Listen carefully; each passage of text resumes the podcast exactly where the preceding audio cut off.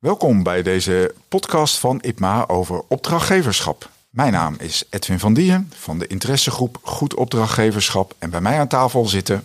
Adrienne Man, uh, ik ben uh, werkzaam met Pentascope. En ik ben Ingrid Breuker, Pentascope.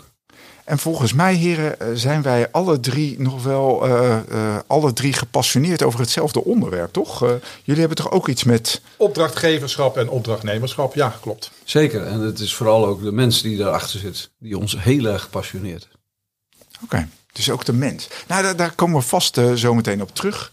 Uh, wij hebben voor uh, net ook besproken van dat wij vooral gaan kijken van wat is er eigenlijk op dit moment aan de hand. want er speelt wel iets voor opdrachtgevers. En dat is dat eigenlijk op dit moment we in de breedte van de samenleving wel zien van dat opdrachtnemers toch wel problemen hebben om hun werkzaamheden goed te verrichten. Als we kijken naar Schiphol, uh, dan zijn er problemen met de afhandeling van de koffers, de wachtrijen. Ik weet niet of jullie ook nog voorbeelden zien uh, van ja, uh, in de samenleving. De Rapel, je hoeft maar te noemen, de COA. Ja, en, ik ben even kwijt. Nou, ik dacht zelf nog wel aan die auto's die op dit moment geleverd worden zonder chips, omdat ja, de, de, chips er niet zijn. beloofd worden en de eerste warmtepomp, als je nu bestelt, krijg je een jaar later, terwijl we nu een energiecrisis ja. hebben. Uh, nou ja, het gebrek aan personeel, denk ja, ik ook. Hè? Dat, dat speelt ook, natuurlijk ja. een enorme rol. En, maar de hele logistiek uh, die uh, vastloopt. Het ja. het NN-verhaal. Alles dus, komt tegelijkertijd.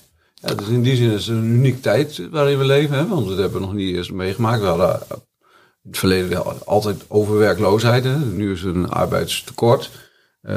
je ziet, eigenlijk zitten we in een periode waarin... zoals Eddie O'Bang al voorspelde in 2000 uh, een periode after midnight, waarbij veranderingen sneller gaan dan uh, het leervermogen. Dus ja, we leven in een tijd waar je eigenlijk kunt zeggen van hé, hey, opdrachtgeverschap is niet meer een projectleider van A naar B, maar anticiperen op wat er is. Ja. Ja, en misschien daar ook uh, daar keuzes in maken. Hè? Niet, alles, niet alles kan. Maar hoe kom je er nou achter dat niet alles kan? Want dat vind ik wel het interessante op dit moment. Dat je, uh, waar we in het verleden uh, reden de treinen ook wel eens een keertje wat minder goed. Uh, maar de treinen rijden op dit moment gewoon met een andere bezetting. ook vanwege personeelstekort. Ja, en ongekend en, is dat een hele zondag de dienstregeling gestaakt wordt. Om, om, omdat het niet wil of zo bij de NS. Dat is toch, hebben we nog nooit meegemaakt in ons leven. Ja, er zijn tunnels dicht omdat iemand ziek is. Ja, is, de, is de tunnel dicht? Dus dat betekent wat. Zonder leraren. Ja, zit op alle sectoren. En uh, wat betekent dat nou voor een opdrachtgever? Want jij zei net, uh, Adriaan, van dat dat betekent dat je keuzes moet maken. Ja. Maar je kiest er niet voor van dat iemand ziek wordt of dat er een personeelstekort is. Dus even, waar, waar nou heb je dan ja, wat alles, te kiezen? Al, ja, je, hebt, je zegt, alles komt tegelijkertijd. En er wordt en, en, en hè, het is een soort van crisissituatie en het moet opgelost worden. En mensen roepen van ja, het, moet, het moet opgelost worden. En natuurlijk wil je dat bepaalde problemen oplossen. Alleen ik denk alleen wat er gebeurt is dat mensen gaan lopen rennen. En een soort dweilen met de kraan open. In plaats van dat ze, dat ze tijd nemen om te kijken van goh, hé, hey, hoe kan ik die kraan uh, nou dichtdraaien. Dus ik denk dat, dat er een. Hè, uh, en, en daarmee, als je een, vanuit opdrachtgeverschap moet een keuze maken, is het kijken van ja, wat is nu het, het grotere probleem? En gaan we, laten we daarop richten en laten die andere dingen. Uh, ja, die moeten misschien dan een beetje. daar kun je, die kun je niet gelijk oplossen, maar daar kun je wel over communiceren. Van we pakken eerst dit aan en vervolgens gaan we de andere zaken oppassen en aanpakken. En ik heb nu het idee dat er vooral uh, uh, iedereen roept maar wat en er moet af van alles gebeuren. Alleen er gebeurt niks of er gebeurt heel weinig. Ja.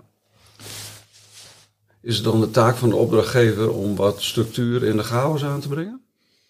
Ja, ik denk daarin een, een, een keuze te maken van wat, is nou, wat vinden we nou daadwerkelijk? Want we weten allemaal dat je kunt niet alles tegelijkertijd. Mm je, moet, ja, dus je hebt maar ruimte om een aantal dingen te doen. En nou ja, maar durf daar een keuze in te maken. Maar ik vind dat ook wel een hele sterke opdrachtnemerseigenschap om steeds te vragen uh, uh, om keuzes. Van kies voor of dit, of dat, of zus.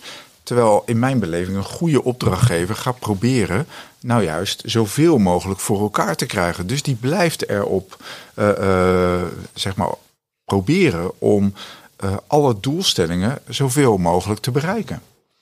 Het is echt een belang van de opdrachtgever om en en. Ik vind het mooiste voorbeeld nog wel die van uh, de vijfde baan van Schiphol. Wat en goed voor het milieu moest zijn en goed voor de economie.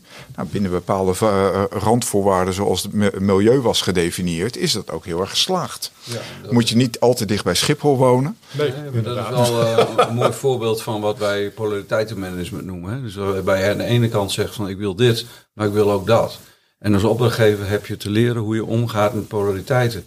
Niet een keuze voor het een of voor het andere, maar het omgaan en het doorlopend bewegen tussen die polariteiten, zodat je het hogere doel haalt. Ken je polarity management van Johnson trouwens, tussen twee haakjes?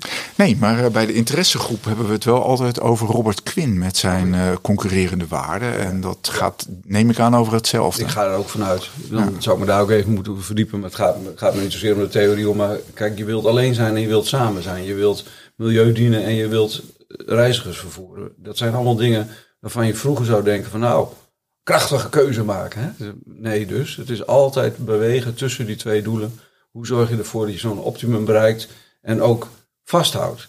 Nou, dat, is een, dat is een skill van een opdrachtgever, maar ook van een opdrachtnemer, om dat aan te reiken, hoe, hoe je in jouw opdracht omgaat met die polariteiten. Ja, en tegelijkertijd zien we dan dus op dit moment van dat het niet meer kan op de manier waarop dat in het verleden gebeurde. Dus wat heb je dan als opdrachtgever te doen? Ja, goede vraag. Uh, ik, nou ja, het, aansluiten wat Engbert zegt, van in ieder geval bewust zijn van wat die mogelijkheden zijn. En, en, en ik denk dus dat, en, eh, dat er toch uh, mensen te snel uh, misschien gaan lopen rennen of met ideeën komen uh, en een keuze maken in plaats van dat ze het totale plaatje in beeld brengen. En, en daarin zeggen, oké, vanuit nu denken we dat dit de richting is waarin we, daar, hè, hè, wat een aanpak kan zijn. En van daaruit uh, uh, gaan werken. Ja, eigenlijk kort gezegd, Adriaan, om even aan te vullen, de politiek benaderen als een probleem. Ja. En ja. als een, een probleem, oplossing. En zo werkt een polariteit niet.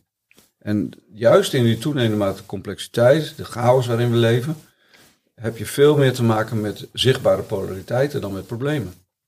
Ik ben wel benieuwd als we dit eens zouden loslaten en op een, op een voorbeeld, bijvoorbeeld zoals de COA moet omgaan met de rapel. Wie zou daar nou de opdrachtgever zijn? Nou, ik denk in ieder geval het kabinet. Ja, dat sowieso. En hoe, hoe werkt dat dan verder, denk je, bij uh, de COA? Zit er daar dan een programmamanager of is dat geen idee? Hè? Ja, ik vind het wel interessant, want we zouden dus moeten kijken naar zo'n casus. Hoe, uh, wie is daar nou opdrachtgever, wie is daar nou opdrachtnemer? En, en maken ze daar nou het verschil tussen hoofd- en bijzaak, zoals jij net aandraagt in het eerste stukje van dit gesprek? Of hebben ze te maken met de polariteit die nu op te lossen is, die ze benaderen als een probleem en proberen op te lossen? Vind ik een interessant vraagstuk. We zullen nou. daar geen antwoord op vinden in deze podcast, maar dat is wel een. Uh, nou, ik heb er wel een mening over hoor. Dus, uh, want uh, wat mijn beeld wel is, dat is dat wij heel veel zaken hebben dichtgeregeld. Uh, waarbij opdrachtnemers vervolgens zichzelf eigenlijk gewoon machteloos ja. voelen om een oplossing te vinden. En, en wat in mijn beleving toch gewoon werkend vanuit de bedoeling, zou je natuurlijk toch heel gemakkelijk uh, kunnen beslissen van gedoe, iets mag niet, maar dan gaan we toch een oplossing vinden hiervoor. Ja. Het is toch absurd dat je dit zo uit de hand laat ja, lopen. en, en dat geldt in mijn beleving voor, voor meer zaken waar je, waar je toch echt maar, keuzes zou moeten maken. Is het dan, als ik eventjes dit voorbeeld van de COA, dat je eigenlijk zoveel opdrachtgevers hebt? Hè? Want als je, je noemt het kabinet is de opdrachtgever, nou ja, dan, dan delegeren ze dat natuurlijk een beetje door naar, naar onder. Met allerlei, allerlei verwachtingen waarmee en degene die er met ideeën moet komen of een opdrachtnemer, dat hij helemaal gewoon vastzit en geen enkele vrijheid heeft om vanuit zijn kennis en expertise met een oplossing te komen. Ja, ik vind het wel een mooi voorbeeld. Die ondernemer die komt met die tentjes. Ja. ja? Vind ik een mooi voorbeeld, want die tentjes worden weggehaald met als reden. Uh, dus het is niet van de COA, maar vooral ook, je kunt er dingen in verstoppen, je kunt uh, je, uh, dingen, mensen worden minder zichtbaar. Ja, wij kennen natuurlijk die casus niet helemaal. Hè, dus dat vind ik Nee, een beetje. nee, nee, eh, gaan we een beetje om, om te verkennen maar- van waar maar veiligheid is natuurlijk vaak een ding. Ja, en nu zeker. wordt onder het mom van veiligheid, wat ongetwijfeld van belang is, wordt eh, eh, zeg maar een, eh, Ja, maar een, beweging van, eh, vanuit particulier initiatief wordt weer teruggedraaid. Hè? Ja. En dat kan natuurlijk best wel verstandig zijn. Ik heb daar geen oordeel over. Wat mij opvalt, dat is dat je eh, eh, een professionele overheidsorganisatie hebt. die eigenlijk niet in staat is om zelfstandig tegen de politiek te zeggen: van dit is on, onacceptabel wat er gebeurt. En eh, we gaan het anders doen. Of we leggen bijvoorbeeld het werk neer. Hè, dus dus die, dat, dat vind ik interessant. Van, eh, eh, Snap ik, snap ik helemaal, maar ik wil toch even door op die teentjes. Want op het moment dat je dat als opdrachtnemer ziet als een veranderende omstandigheid, kun je ook in goed overleg omgaan, kijken hoe je die polariteit oplost. In plaats van of helemaal niet, of helemaal wel. Hoe ga je daarmee om? Dat is voor mij het spel ook tussen de opdrachtnemer en de opdrachtgever. Dus hoeveel ruimte krijgt de opdrachtnemer om gewoon dat probleem op te lossen? In plaats van dat van hoge hand gezegd wordt: nee, nee, dit mag niet. Hè, dus dat. De vraag is even of dat hier van hoge hand ge- eh, gezegd is. Want dat vraag ik nou me, eh, me ernstig af. Want ik vermoed dat het gewoon vanuit eh, eh, de veiligheidsregio is gezegd van dit kan niet. En dat is natuurlijk niet de opdrachtgever voor, het, Nee. eh, voor het COA. Nee, akkoord. Maar even los van het voorbeeld, hè, dan gaan we weer terug naar, de, naar het vak. Ehm, als je denkt dat de wereld van A naar B te veranderen is, heb je geen kans als goede opdrachtgever en als opdrachtnemer. Dus je moet je kunnen inspelen op de situaties die zich voordoen in jouw opdracht. En ik vind het een heel mooi voorbeeld, omdat er zoveel bewegingen zijn, dat je een enorme flexibiliteit moet hebben om zo'n opdracht uit te voeren. En er moet natuurlijk een goede opdracht achter liggen, waarvan ik me echt afvraag of dat zo is.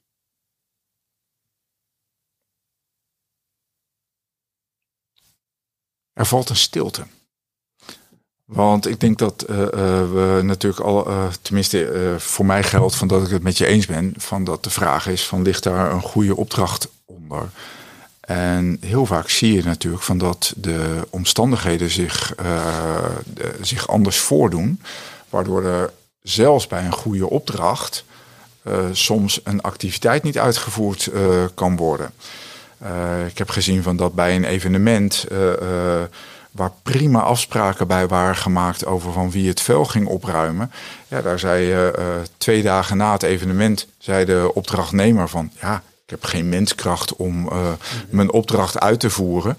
Dus ja, leuk dat die opdracht gegeven is en dat ik hem geaccepteerd heb, maar ik heb geen mensen. Dus ja, dat vuil blijft nog een tijdje liggen, beste gemeente. Uh, dus uh, dan sta je toch een beetje te kijken. Want ook met een goede opdracht betekent het dus gewoon van dat je in deze huidige tijd dat, dat er misschien nog meer kan spelen. Ja. ja. ja. En de opdracht was gegeven, de opdracht was genomen. Ja. Het wa, de, uh, hij was gecommuniceerd aan iedereen, men wist het. Maar nou, waarschijnlijk had die opdrachtnemer dan in, in, de, in deze casus uh, wel al aan kunnen voelen van hé, hey, hoe zit het met die mensen? Dat is een, een vraagstuk waar die tegenaan loopt. Dus dan is het ook, ja, denk ik van hé, hey, hallo, uh, heb jij als opdrachtgever, ben je, weet je ook van hé, we zitten met een, uh, met een uitdaging met menskracht. Hoe zit het ermee? Dus dan weet je dat dat een, een kritisch punt is waarop, waar je op te letten hebt, toch? Ja, maar de vraag voor mij is nog wel. Uh, van uh, uh, waarom leggen wij een bepaalde opdracht bij een bepaalde marktpartij neer? want dat kan ook op een andere manier. En je kan ook prioriteren in de menskracht. in die gemeente waar dit gebeurde waren heel veel mensen. Maar ik bedoel, het is bij bedrijf X neergelegd. Ja. je had ook bedrijf A tot en met F nog kunnen vragen van... God, deze partij die werkt niet. Nee, jullie dat, dit op? Ook, maar dat bedoel ik dan ook met van ben je hè, als opdrachtgever uh, hè, voldoende kritisch dat die partij kan leveren? Maak je daar gewoon duidelijk afspraak over? Heb je het daarover? Maar hoe kom je daarachter? Want op het moment dat jij een afspraak maakt met je doet het uh, uh, binnen 48 uur ja. na het evenement. Ja. Uh, dan heeft die opdrachtnemer 48 uur betekent, tot na het evenement. Nee, dat klopt. Dus maar je kunt van tevoren wel natuurlijk wel vragen: hey, hoe zit het nou eigenlijk? Heb je die mensen al? En hoe, omdat je weet dat dat eh, een kritische succesfactor is. Uh, dus dan kun je daar wel alert op zijn voor die 48 uur. Dus je kunt al voor het evenement start vragen: hey, hoe zit het nou eigenlijk met dat het straks opruimen? Heb je die mensen? Noem maar op. Dus dan denk ik wel van ja, heb je je proces goed in beeld? Ik vind dat een hele mooie, want volgens mij zit hier een kern. dus de, want, want je kan dus als opdrachtgever door tijdig de juiste uh, uh, interventies uh, te plegen, kan je dus zien van of het wel goed loopt. Mijn probleem is alleen, waarom ik zeg maar me afvraag van of het goed gaat, dat is dat zaken die in het verleden goed liepen, nu opeens niet goed lopen. En zeg maar alle dingen die in het verleden fout gingen, daar, daar ben je gewend om even na te vragen, te controleren. dat staat op je risicolijstje. dus dat is normaal. Maar hoe komen we er nou achter van wat nou de, de risico's van de nieuwe tijd zijn? Hoe, je hoe noemt er nu al één, menskracht. Ja, en ook, je hebt al eerder ook een mooi genoemd, dat is de leefwereld versus systeemwereld je als opdrachtgever je kunnen verplaatsen in de leefwereld. Als je in de systeemwereld, als je kijkt naar de, ik heb in mijn werk ook veel te maken met sectoren, hè, overheid, onderwijs, ondernemers, ondernemingen. En als die allemaal redeneren van hun eigen koker of vanuit hun eigen blikveld, dan komen opdrachten niet voor elkaar. En zeker niet in deze tijd met veel chaos en veel verschillende interventies. Dus je kunt verplaatsen in waar doen we het nou eigenlijk voor? Wat is nou echt de bedoeling? En dan kom je als opdrachtgever kom je erachter wat werkelijk nodig is voor je opdrachtnemer om zijn klus te kunnen doen. En dan zou ook personeel daar een onderwerp van ja, zijn. Sterker nog, of energiekosten bijvoorbeeld op dit moment. Maar je kunt er ook zeggen, dan, dan ik denk ik als opdrachtnemer, je, hebt, je kunt er ook een zekere trots hebben, zeker als externe partij. Wil je toch niet dat je, dat je zegt, ja sorry, ik kan het niet leveren. Dan denk je, ja, Jezus Christus, wat ben jij een lousy uh, partij. Zeg, dan doe je toch je best voor om het te regelen. Dan ga je toch bij je collega's, je con-collega's vragen: jongens, kun je me helpen? Want ik heb de mensen niet. Dus dan denk ik ook zoiets van ja. Weet je, daar gaat het natuurlijk ook om. Ik hoor hier de passie van de opdrachtgever. Hoor je dat? Er zit enorm veel energie onder deze, dit betoog. Ik, ik, ik zie wel heel veel passie. Ik hoor het ook. Ja. Uh, Ehm, eh, waarom ik niet direct ja zeg, dat is omdat jij het direct koppelt aan de opdrachtgever. Ja, dat mag ook een opdrachtnemer zijn, hè? maar wel aan het onderwerp in ieder geval. Ja. Nou, in ieder geval van, de, eh, de, uh, van iemand die verantwoordelijkheid neemt voor zijn eigen rol. Hè? Ja, dus dus dat, hoor ik daar heel sterk en in. Dat, en dat denk ik, dat is goed opdrachtgever, opdrachtnemerschap. Is dat je die verantwoordelijkheid met elkaar gewoon goed afspreekt. En zegt van nou oké, als we dit gaan regelen, gaan we het ook regelen. En als ik tegen een probleem als ik tegen een probleem aanloop, dat ik die mensen niet kan krijgen, dat ik jou als opdrachtgever tijdig informeer. Ik heb hier een probleem. Ik heb dit beloofd, ik heb dit toegezegd, ik kan het niet waarmaken. Dus we moeten plan B gaan bedenken. Ga je me helpen om dat plan B of plan C of plan D, dat we dat wel. En dat we wel binnen die 48 uur op een manier zorgen dat die rotzooi is opgeruimd. Dat denk ik. En daar gaat het om. En voor, wij noemen dat het samenspel tussen opdrachtgever en opdrachtnemer. En, en je bent samen verantwoordelijk om dat resultaat te behalen. Niet alleen die opdrachtgever, niet alleen die opdrachtnemer. Nee, je hebt, je hebt elkaar nodig. En in dit geval geldt ook dat je kijkt naar de bedoeling. De bedoeling is dat de stap weer zo snel mogelijk schoon is naar het festival. Ja. En niet dat je een goede opdracht hebt gegeven waar iemand geld aan verdient. Nee, dus inderdaad. Waar zit, je, waar zit je aandacht? Bij de werkelijkheid of bij het systeemdeel? Dus dat vind ik, wel, ik vind het wel een interessant voorbeeld, voorbeeld wat, uh, wat we nu aan het uitwerken zijn eigenlijk.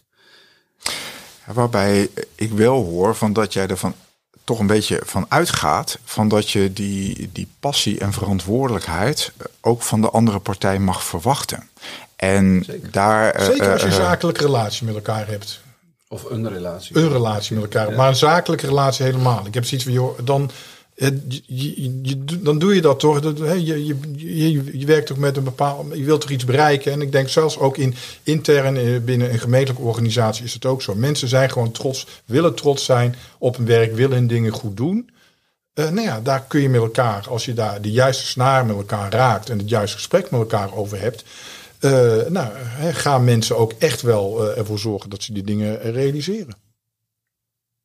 Ja, daar ben ik het natuurlijk mee eens. En, eh, maar maar in, je, in je verhaal heb je wel drie alsen genoemd.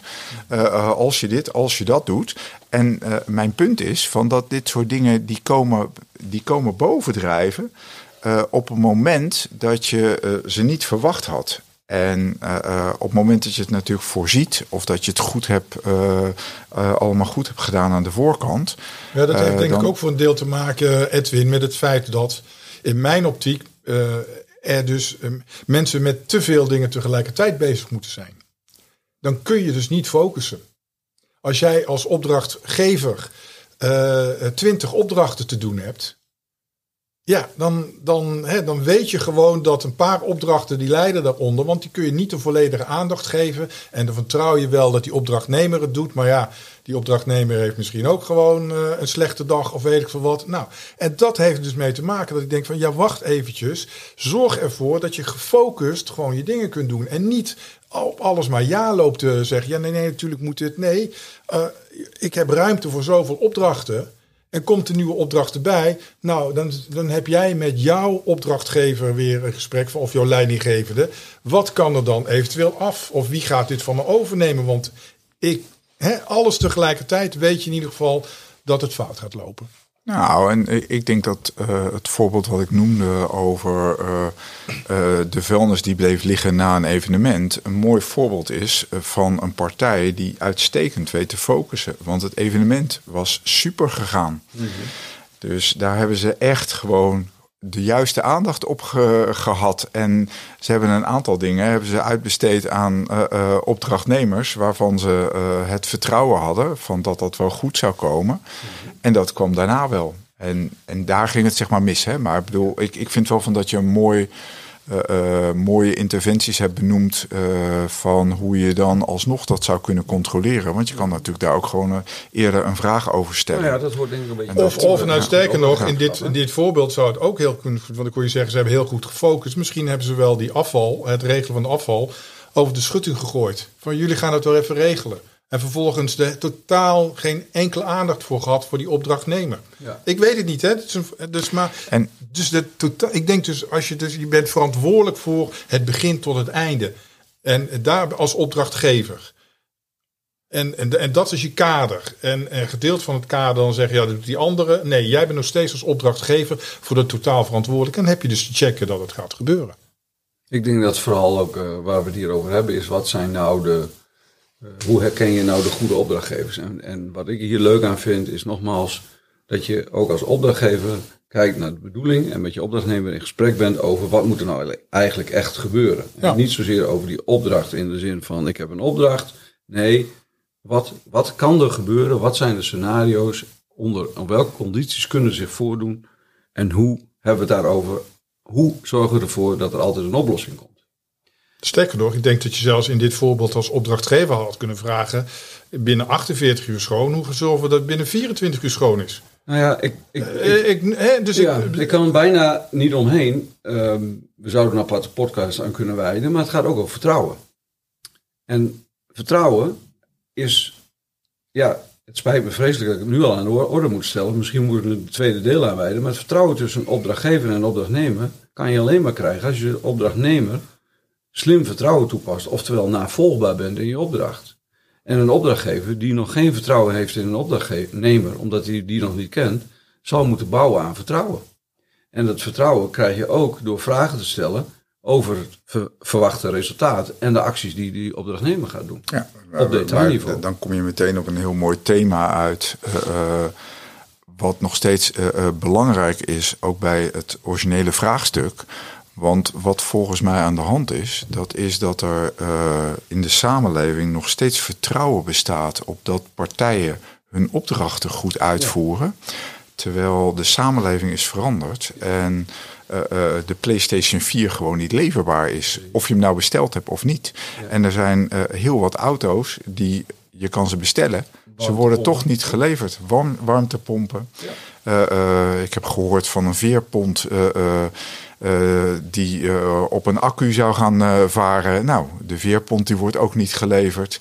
Dus ja, een opdrachtnemer kan er niet aan voldoen. Dat is bijna net zo'n voorbeeld als het schoonmaken, hè? Die, die, die veerboot. Kennelijk heeft ze een voersmaatschappij getekend zonder dat ze zich verdiept hebben in dat die dingen niet leverbaar zijn. En misschien uh, hebben zij wel weer vertrouwd op een leverancier ja. die uh, ja zei, die ja. zich ook weer heeft vertrouwd op een leverancier. En het hele vertrouwen in die uh, Ja. supply chain, uh, dat, dat loopt echt wel een stevige deuk op op Ja, dit en moment. Dat kan dus niet meer blind vertrouwen zijn, dat moet slim vertrouwen zijn. Oftewel navolgbaar vertrouwen. Je moet kunnen bewijzen. Maar hoe schakel je af? Ja. Nee, maar het, nou ja, ik denk dus, hè, dus, eh, hè, dus het vertrouwen, hè, je zei, hè, hoor heel hè, in, in dit, deze problemen aannames. Hè, aanname dat die andere het wel zal regelen. En die heeft het toegezegd. Ja, nee, Vroeger deed hij het ook. Dus, ja. Vroeger deed hij het ook. En, eh, hè, nou ja, eh, maar, dus inderdaad, de- hè, check je voldoende die aannames. En, maar kun je ook tussen het, in het vertrouwen tussen opdrachtgever en opdrachtnemer eh, het creëren dat je op een gegeven moment dus tijdig zegt, jongens, wacht eventjes. eh, eh, ja, dit, dachten we wel dat het kon, maar ja, helaas eh, eh, niet binnen deze gestelde termijn. Of niet meer voor dit geld. Nou ja, dus de, alle, alle prijzen, bouwprijzen zijn omhoog gegaan. Dus in die zin, dat hoor ik ook heel veel opdrachtgevers en opdrachtnemers zeggen binnen gemeenten. Van ja, projecten worden duurder, want alle prijzen zijn omhoog gegaan. Dus ja, dat, dat zijn dus situaties waar je mee eh, eh, te dealen hebt. Maar ik denk wel waar het om gaat, is dat je dat tijdig met elkaar bespreekt. Dus die verwachting met elkaar weer helder krijgt. Dat gesprek met elkaar hebt. Ik vind het een mooi punt. En eh, even Engbert, eh, eh, jij, jij gaf daar, eh, je muntte dat slim vertrouwen. Hè? Ja. Van, eh, dat je dus ook gewoon blijft controleren en blijft prikken. En Adriaan, jij gaf een mooi voorbeeld van hoe je dan daadwerkelijk kan prikken. Om zeg maar voortijdig te gaan vragen van eh, je hebt nog een flink aantal eh, uren, maar hoe staat het ervoor en hoe doe je dat nou eigenlijk? Dat dat manieren zijn om eigenlijk op een warme manier te blijven controleren en, en Ja. je rol in te vullen. En dat komt bij mij dan nog wel bij een ander thema. En dat is dat. Het leuke vind ik zelf altijd met eh, eh, opdrachtgevers en opdrachtnemers. Op het moment dat je een goede opdrachtnemer hebt, dus echt een professional, dan kan je overgaan op processturing. En dan hoef je alleen maar op een aantal vooraf gedefinieerde momenten, hoef je eigenlijk maar in actie te komen. En eh, wat ik jou hoor zeggen, Adriaan, dat is dat je terugschakelt en toch al eerder gaat checken van is mijn opdrachtnemer nog wel de professional eh, eh, eh, die die was? En kan die het allemaal nog wel aan? En dat vind ik wel een verrassende verandering. Ja. Van dat je dus eigenlijk zelf al ja, toch. Of het nou voor je eigen doel is of voor je gezamenlijke doel, dat maakt me niet zoveel uit. Maar dat je toch eventjes terugschakelt in de manier van werken. Ja, nee, maar kijk, ik denk ook zoiets. hè, Besef goed, de opdrachtgevers en opdrachtnemers zijn mensen. En die mensen die hebben ook, die, die, ze, ze hebben hun trots en ze willen hun dingen bereiken. En ze zullen niet, misschien niet snel nee zeggen of als ze eh, het niet direct redden. eh, Nou, weet je, ga ik toch even uitzoeken. Ik ga nog niet gelijk tegen jou zeggen, Edwin, dat ik niet ga redden. Maar, hè, dus, dus, en ik denk wat belangrijk is, is dat je dus eh, eh, als tussen opdrachtgever en opdrachtnemer het vertrouwen hebt om dat wel bespreekbaar te maken. Dat je het nog niet helemaal precies weet. En dat dat het niks, dat dat niets afdoet aan de, aan de waardering die je ten opzichte van elkaar als mens hebt. En ik denk dat dat is vaak een proces waarin mensen het gevoel hebben van als ik nee zeg, dan is dat negatief voor mij. En ik denk dat je dat proces moet doorbreken. En, en, en als opdracht, vooral, ja, denk toch dat het vaak dan de taak is van, van een goede opdrachtgever om de situatie zo te creëren dat zo'n opdrachtnemer zich ook veilig voelt om dat soort vragen eh, eh, eh, ja, te, te, te bedden te brengen. Ja.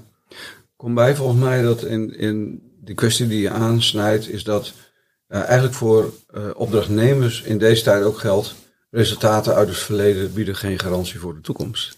Omdat de omstandigheden, wat ik al eerder zei in dit gesprek, zodanig veranderd zijn, dat we werken in een situatie waarbij veranderingen normaal zijn, waarin eh, exponentieel veranderingen zijn, waarbij het leervermogen achterligt bij het verandervermogen dat plan, do, check, act uit het verleden niet hetzelfde is als nu. Nu is het veel meer experimenteren, doen, proberen, fouten maken, successen, falen, falen, succes en steeds beter. Dat is toch een hele andere wereld. Dus ik zou eigenlijk willen introduceren voor de opdrachtnemers van het verleden. Resultaten uit het verleden geven geen garantie op succes in een volgende opdracht. En dan moet opdrachtgevers moeten dat weten. Dus eigenlijk moet je per opdracht weer nieuw vertrouwen opbouwen. En daar komt dat slim vertrouwen weer om de hoek kijken. Navolgbaar zijn als opdrachtnemer. Hoe zorg je ervoor dat je navolgbaar bent?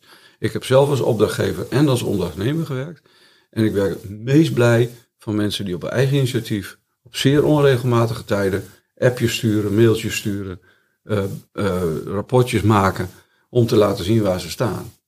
Dan kan ik als opdrachtgever heel mijn werk heel goed doen. Op het moment dat mensen niets doen als opdrachtnemer en, de, en ik moet vertrouwen dat de opdracht wel loopt, kom ik na een tijdje erachter dat het helemaal een andere kant op is gegaan.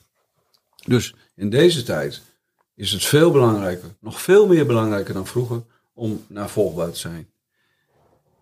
In mijn eerste periode als uh, projectleider had ik een uh, opdrachtgever en die stond naast mij toen ik het projectplan schreef. Ik vond het echt verschrikkelijk. Op een gegeven moment zei ik tegen hem: Hier is het toetsenbord, doe het zelf maar. Maar eigenlijk was het een van mijn beste opdrachtgevers. Want die let op elk detail. In de opdrachtformulering, in de manier waarop ik het project ging aansturen. Zat er bovenop. Na een tijdje dacht ik: Oh ja, ik moet eigenlijk mijn opdrachtgever uh, nog eens een keer spreken. Want we hadden zo'n mooi systeem ontwikkeld van elkaar op de hoogte houden. Dat eigenlijk alles bekend was. Ja, jij kijkt mij nou aan. Wat vind je daarvan, Edwin? nou, ik vind dat wel heel mooi, maar je, je schetst een situatie van samenwerking tussen twee partijen, waarbij ik uh, hoor van dat die opdrachtgever eerst eens even goed erbij wil komen te staan om te zien van uh, ben jij wel echt de professional die je al zei te zijn. Zo kun je dat. En op het moment dat hij doorkreeg van goh, nou deze vent die kan echt wel wat.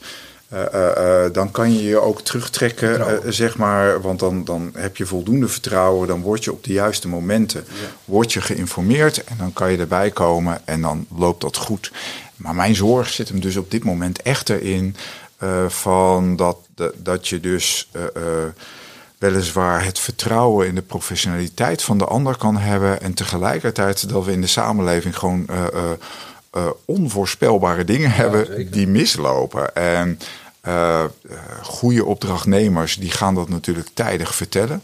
Wij zijn al begin van het jaar zijn wij gewaarschuwd van goh, hou je er wel rekening mee dat als het echt zo droog wordt, dat we dit jaar gewoon een te lage waterstand in de Rijn hebben en dat je dan gewoon problemen met de aanvoer van zand en andere materialen krijgt. Snap je dat opdrachtgever? Nou, dat waren goede opdrachtnemers. Hè? Ja.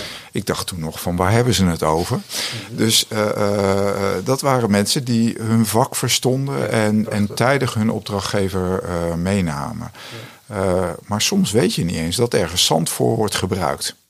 Dus, en als dan, als dan zand een relevante factor begint te worden, dan gaat er opeens iets anders spelen.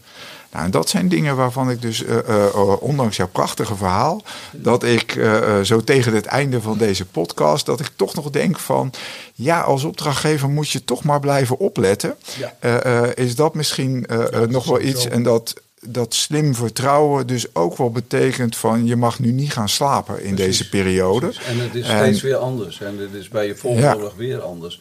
Nogmaals. En vertrouw, niet op, je en vertrouw dus niet op je routine en je ervaring. Hè? De, ja, en, en daar die ruimte ook voor creëren voor jezelf als opdrachtgever weer bij jouw hè, bestuurlijk opdrachtgever, wat dan ook.